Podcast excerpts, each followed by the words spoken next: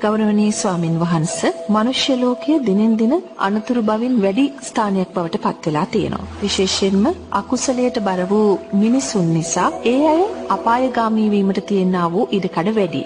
ගරු ස්වාමින් වහන්ස මනුෂ්‍ය ලෝකයේ පවතින මේ අනතුරින් මිදිලා නිර්වාණය දකින්නට තියෙන හොඳම මඟ දේවතානුස්සතිය වඩමින් දිව්‍ය ලෝකයේ සශ්‍රීක දෙවියෙකු වීමට වීරය කිරීමද මෙහෙමයි බුදුරජාණන් වහන්සේ ඒතර ওই මහා නාම ශාක්‍ය කියන ශාක්‍යයට ඕක දේශනා කරන්නේ බුදුරජාණන් වහන්සේනේ දේවතානුස්සතිය කියන එක තනිව කියන්නේ නැහැ නෝනා. පළවෙනිව බුද්ධානුස්සතිය, ධම්මානුස්සතිය, සංඝානුස්සතිය, සීලානුස්සතිය, ත්‍යාගානුස්සතිය, දේවතානුස්සතිය කියලා කියන්නේ. තේරුණාද? ඒ කියන්නේ මෙතෙන්දී බුදුරජාණන් වහන්සේ මේ මහා නාම ශාක්‍යයට උපක්‍රමශීලී ධර්මයක් දේශනා කරන්නේ. උපක්‍රමශීලී ධර්මයක් දේශනා කරන්න කියන්නේ යාට බුදුරජාණන් වහන්සේ කියනවා බුද්ධානුස්සතිය වඩන්න, ධම්මානුස්සතිය වඩන්න, සංඝානුස්සතිය වඩන්න. ඊට පස්සේ ත්‍යාගානුස්සතිය හැකිතාක් දන් දෙන්න.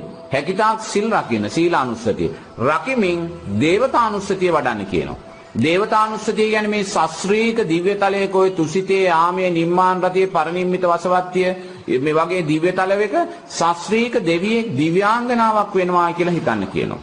හැම රාත්‍රියකටම නිින්දට යනකොට ඒ ශාස්ත්‍රීය දිව්‍යාංගනාවක් හිතෙන් මවාගෙන නිදා ගන්න කියලා බුදුරජාණන් වහන්සේ කියනවා. ඒ ශාස්ත්‍රීය දෙවියෙක් දිව්‍යාංගනාවක් දිව්‍ය ඕජාවෙන් විඳින්නා වූ සැපයන් නුවණින් දකිමින් ජීවත් වෙන්න කියලා කියනවා. එවැනි දෙවියෙක් දිව්‍යාංගනාවගේ ආලෝකමත් භාවය ප්‍රභාෂර භාවය නුවණින් දකිමින් ඒ දෙවියන් විඳින්නා වූ මහේශාක්‍ය ශාස්ත්‍රීය බව නුවණින් දකිමින් ජීවත් වෙන්න කියනවා. මේකෙන් බුදුරජාන් වහන්සේ උත්සාහ ගන්නේ දෙවියා කියන තැන සැපතිනවා කියලා කාරණේ අපිට හිත පිහිටන්න නෙමෙයි. තේරෙනවද? එහෙම නැත්නම් දිව්‍ය තලයක ගිහිල්ලා උපදින්න කියන කාරණේ තැන හිත පිහිටන්න නෙමෙයි බුදුරජාන් වහන්සේ මේක කරන්නේ. මෙතෙන්දී බුදුරජාන් වහන්සේ මේ දෙවියා කෙරෙහි අපේ තුල තෘෂ්ණාවක් සකස් කරනවා. තේරෙනවද? දෙවියා කෙරෙහි දිව්‍ය තල කෙරෙහි බුදුරජාණන් වහන්සේ අප කෙරෙහි තෘෂ්ණාව සකස් වෙනවා. දැන් ඔබතුමිය මේක අහලා නෑ මමත් දිව්‍යාංගනාවක් වෙනවා කියලා චිත්තයක් ඇති කරගන්නවා. තේරෙනවද? දෙවියෙක් වෙන්න උපාදානය ඇති කරගන්නවා. තෘෂ්ණාවක් ඇති කරගන්නවා. එහෙම ඇති කරගත්තාට පස්සේ ඔබතුමිය මොකද්ද කරන්නේ?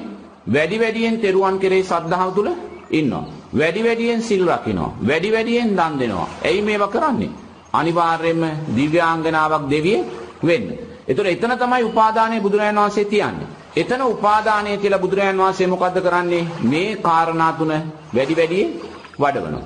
මේ කාරණා තුන වැඩි වැඩියෙන් වඩන්න වඩන්න ඔබ ඉබේම සෝවාන් ඵලයේ කියන තැනට පත් වෙනවා. ඒ අවසානයේ මොකද්ද? දෙවියාව ඉලක්ක කරලා අපි සෝවාන් මාර්ගයේ තමයි බුදුරජාණන් වහන්සේ අපි තුලින් වැඩෙන්නේ. ඒ නිසා දේවනානුස්සතිය වඩනවා කියන්නේ ශාස්ත්‍රීක දෙවියෙක් දිව්‍යාංගනාවක් වෙනවායි කියන සැන හිත පිහිටන්න. එතන හිත පිහිටලා විතරක් වැඩක් නැහැ. එතන හිත පිහිටලා එතන සපුරා ගන්න නම් මෙතනින් තෙරුවන් කෙරෙහි වූ ශ්‍රද්ධාවත් සීලානුස්සතියත් ත්‍යාගානුස්සතියත් දක්ෂාකාරයෙන් වඩන්න ඕන. තේරෙනවද? ඉතින් අපි දක්ෂ නම් මේ කාරණා තුන වඩමින් කල්යාණ මිත්‍රාශ්‍රය ලැබමින් සද්ධර්ම ශ්‍රවණය කරමින් නුවණින් මෙනෙහි කරමින් ඉස්සරහට යන්න එයා කවදා හරි තමන් උපාදානය කරගත්තා වූ දේවතානුස්සතියත් අනිත්‍යයි කියලා දකිනවා. දැකලා එයා සෝවාන් ඵලයට මාර්ගඵලලාභී දෙවියෙක් දිව්‍යාංගනාවක් කියන තැනට එනවා. ඒ නිසා බුදුරජාණන් වහන්සේ එතන දේවතානුස්සතිය කියන කාරණේ අපිට ඉලක්ක කරන්නේ මේ කාරණා තුන වැඩි වැඩියෙන් වඩවන්න. මේව තුන වැඩි වැඩියෙන් වඩවද්දියා කල්යාණ මිත්‍රාශ්‍රයත් ලැබමින් සද්ධර්ම ශ්‍රවණයත් කළොත්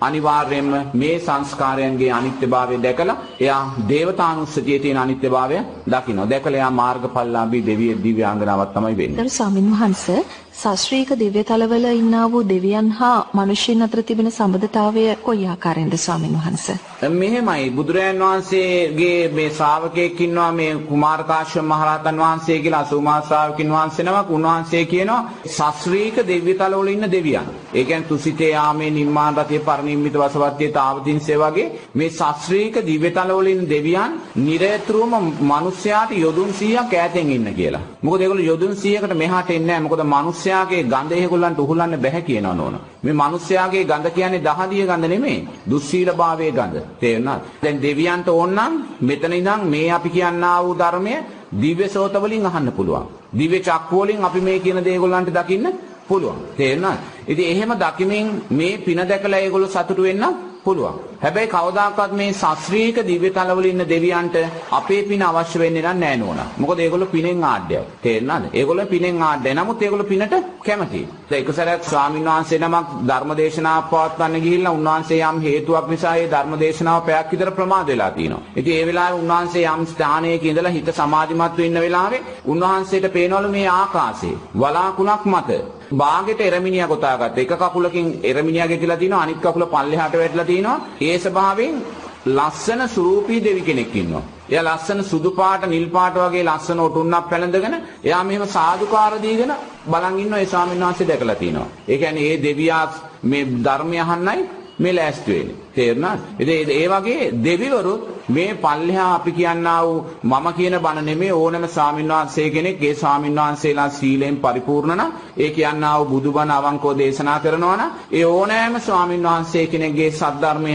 දෙවියන් ශ්‍රවණය කරනවා. පේන. දෙවියන් විතරක් නෙමේ සමහර පරදත්ත රූප ජීවි പ്രേත පිනට පැමිති പ്രേත කොටසු ධර්මයේ දේශනා කරනවා. මොකද ස්වාමීන් වහන්සේ කෙනෙක් දවසක් ඈත ගමක එලිමහන් මේ තන පිටියක වගේ තැනක ධර්මයක් දේශනා කළ රාත්‍රියේ උන්වහන්සේ රාත්‍රියේ ගිහිලා සැතපුණාට පස්සේ උන්වහන්සේට සමාධියෙන් පෙන්ලා තිනවා ඒ ධර්මයේ දේශනා කරපු තැන. තේරුණාද? මේ പ്രേත පවුල් දෙකක් වාඩි වෙලා ඉන්නවා. പ്രേත පවුල් දෙයක්. ඒ ප්‍රේත පවුල් දෙක පරදත්ත රූප ජීවි ප්‍රේත පවුල්. ඒ කියන්නේ ඒගොල්ලෝ විකෘතියක් නැහැ. හොඳට ඇඳුම් පැළඳුම් තියෙන ප්‍රේත පවුල්. ඒතර මේ ස්වාමීන් වහන්සේ උතුම් සමාධියෙන්ම අහලා තියෙනවා ඔබලා ඇයි මෙතන ඉන්නේ කියලා. ඒතකොට ඒගොල්ලෝ මොකක්දෝ භාෂාවකින් යමක් කියලා තියෙනවා. ඒතකොට දැන් මේ මේගොල්ලෝ මෙතන ඉන්නේ මොකද? නැවත බණ කියාවි කියලා තමයි මේගොල්ලෝ මෙතෙන්ට වෙලා වාඩි වෙලා. ඒතකොට දෙවියා විතරක් නෙමෙයි.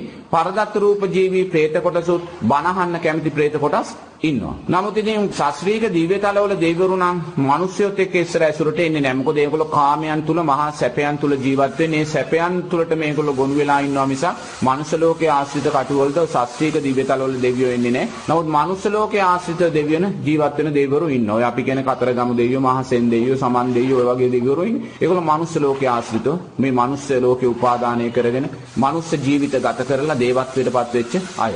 ඊට අමතරව මේ ගම්මාන ආශ්‍රිතව ජීවත් වෙන දෙවිවරුත් ඉන්නවා. පින් කරලා ඒ පන්සල උපාදානය කරලා මැරිලා ගම උපාදානය කරගෙන මැරිලා ගමේම දෙවියන් වූ සාමාන්‍ය මහේශාක්‍ය අල්පේශාක්‍ය දෙවිවරුත් ඉන්නවා. නමුත් ශාස්ත්‍රීය දෙවිවරු නන්න ඕන කවදාක්වත් පල්ලෙහාට මනුස්ස ශාස්ත්‍රයට එන්නේ නැහැ කියලා බුදුරජාණන් වහන්සේ දේශනා කරනවා. නමුත් බුදුරජාණන් වහන්සේලා කාලේ රහතන් වහන්සේලා කාලේ දෙවිවරු නිතරම ඇවිල්ලා බුදුරජාණන් වහන්සේගෙන් ධර්මය අහලා රහතන් වහන්සේලාගෙන් යම් යම් ප්‍රශ්න අහලා ඒ කටයුතු විසඳගත් අවස්ථා වුණ තරම් තියෙනවා. ස්වාමීන් වහන්සේ මිනිසෙයින් සිල්වත් බවින් ඈත් වෙනකොට දෙවියනුත් මිනිසුන් කෙරෙන් ඈත් වෙනවද? නෑ නෑ එහෙම දෙයක් නෑ බුදුරජාණන් වහන්සේ කියනවා නෝන මිනිස්සයා දුස්සීල වෙන්න දුස්සීල වෙන්න දෙවියන් දුස්සීල වෙනවා කියලා. දෙවියන් දුස්සීල වෙලා දෙවියන් වැරදි වැඩ කරන අයට උපකාර කරනවා කියනවා. මොකද ඒගොල්ලෝ තුලත් කාමයන් සකස් වෙනවා. කාමරාග පටිගයන් තුල දෙවියෝ ඉන්නේ. තේරෙන මාර්ගඵලලාභී දෙවිවරු තමයි මේ தත්තර වැටෙන්නේ නැත්තේ. මාර්ගඵලලාභී නොවන සෑම දෙවියෙක්ම කාමරාග පටිගයන් තුල ජීවත් වෙන්නේ. තේරෙන සක්කාය දිට්ඨි විචිකිච්ඡා සීලබ්බත පරාමාසයන් තුලයි ජීවත් වෙන්නේ. ඒ නිසා ඒගොල්ලෝ උඩින් ඉඳන් මේ මනුස්ස ලෝකයේ වෙන දේවල් දකිනකොට ඒගොල්ලෝ දුස්සීල වෙනවා කියනවා. දුස්සීල වෙලා දුස්සීල වෙද්දී ඒගොල්ලෝ තුල කාමරාග පටිගයන් ඇති වෙලා අකුසල් සිද්ධ වෙනකොට ඒගොල්ලෝ දිව්‍ය තල වලින් චුත වෙලා පල්ලෙහාට වැටෙනවා කියන්නේ. ඒ නිසා මාර්ගඵලලාභී දෙවියන් මේ අන්තරට ලක් වෙන්නේ නැහැ. මොකද ඒගොල්ලෝ පංච උපාදානස්කන්ධයේ අනිත්‍යභාවය දැකලා සීලෙන් ඒගොල්ලෝ පරිපූර්ණයි. නමුත් ඉන් මෙහා ඉන්න සෑම දෙවියෙක්ම බුදුරජාණන් වහන්සේ කියනවා මනුස්ස ලෝකයේ පිරිහෙන්න පිරිහෙන්න ඊට සාපේක්ෂව ඒගොල්ලොත් සීලෙන් පිරිහෙනවා කියන්නේ. පිරුණාට පස්සේ ඒගොල්ලොත් පල්ලෙහාට වැටෙනවා. ස්වාමීන් වහන්සේ දෙවියන් ස්වභාව ධර්මයේ පාලනය කරනවද? දෙවියෝ ස්වභාව ධර්ම පාලනය කරන්නේ නැහැ. ස්වභාව ධර්ම කියන්නේ නෝනා මේක මේ ස්වභාව ධර්මයේ මේ සතර මහා ධාතුවෙන් පාලනය වෙන දෙයක්. තේරෙනවා. දෙවියන්ට ලෝකයක් පාලනය කරන්න බෑ. ලෝකේ පාලනය කරන දෙයක් නෑ. ලෝකේ පාලනය කරන්න මේ සතර මහා ධාතුවමයි. වෙන දෙයක් නෙමෙයි. ඉතින් සතර මහා ධාතුවට ලෝකේ පාලනය කරන්න බෑ. සතර මහා ධාතුවේ ස්වභාවය තමයි නිරතුරුවම වෙනස් වීමට ලක් වෙනවා. සතර මහා ධාතුවේ වෙනස් වීම තමයි මේ පාලනය පාලකයෙක් කියලා අපි දකින්නේ. ලෝකේ පාලනය කරන්නේ දෙවියෙක් බ්‍රහ්මෙක් කවුරුවත් නෙමෙයි. තේරෙනවද? ඒගොල්ලොත් සතර මහා ධාතුවෙන් හැදුනා වූ අයමයි. පඨවි ආපෝ තේජෝ වායෝ. මොකද දෙවියාටත් මිනිස්යාට වගේ කයක් තියෙනවා. බ්‍රහ්මයාටත් මිනිස්යාට වගේ කයක් තියෙනවා. නමුත් ඒක සියුම් කයක් අපේ මස් ඇහැට පේන කයක් නෙමෙයි. ඒක කවදා හරි සමාධියෙන් අපි දෙවියා දකිද්දී මේ මිනිස්සෙක් අර රජ කෙනෙක් වගේ තමයි දෙවියාගේ ස්වභාවය දකින්න. ඒ නිසා එයාටත් කයක් තියෙනවා. ඒ කය ඇවිල්ලා සතර මහා ධාතුවමයි. ඉතින් මේ සතර මහා ධාතුවේ ස්වභාවය අනිත්‍යයි. මෙන්න මේ අනිත්‍යයි කියන ධර්මතාවය තමයි මේ ලෝකේ පාලකයා වෙන කවුරුත්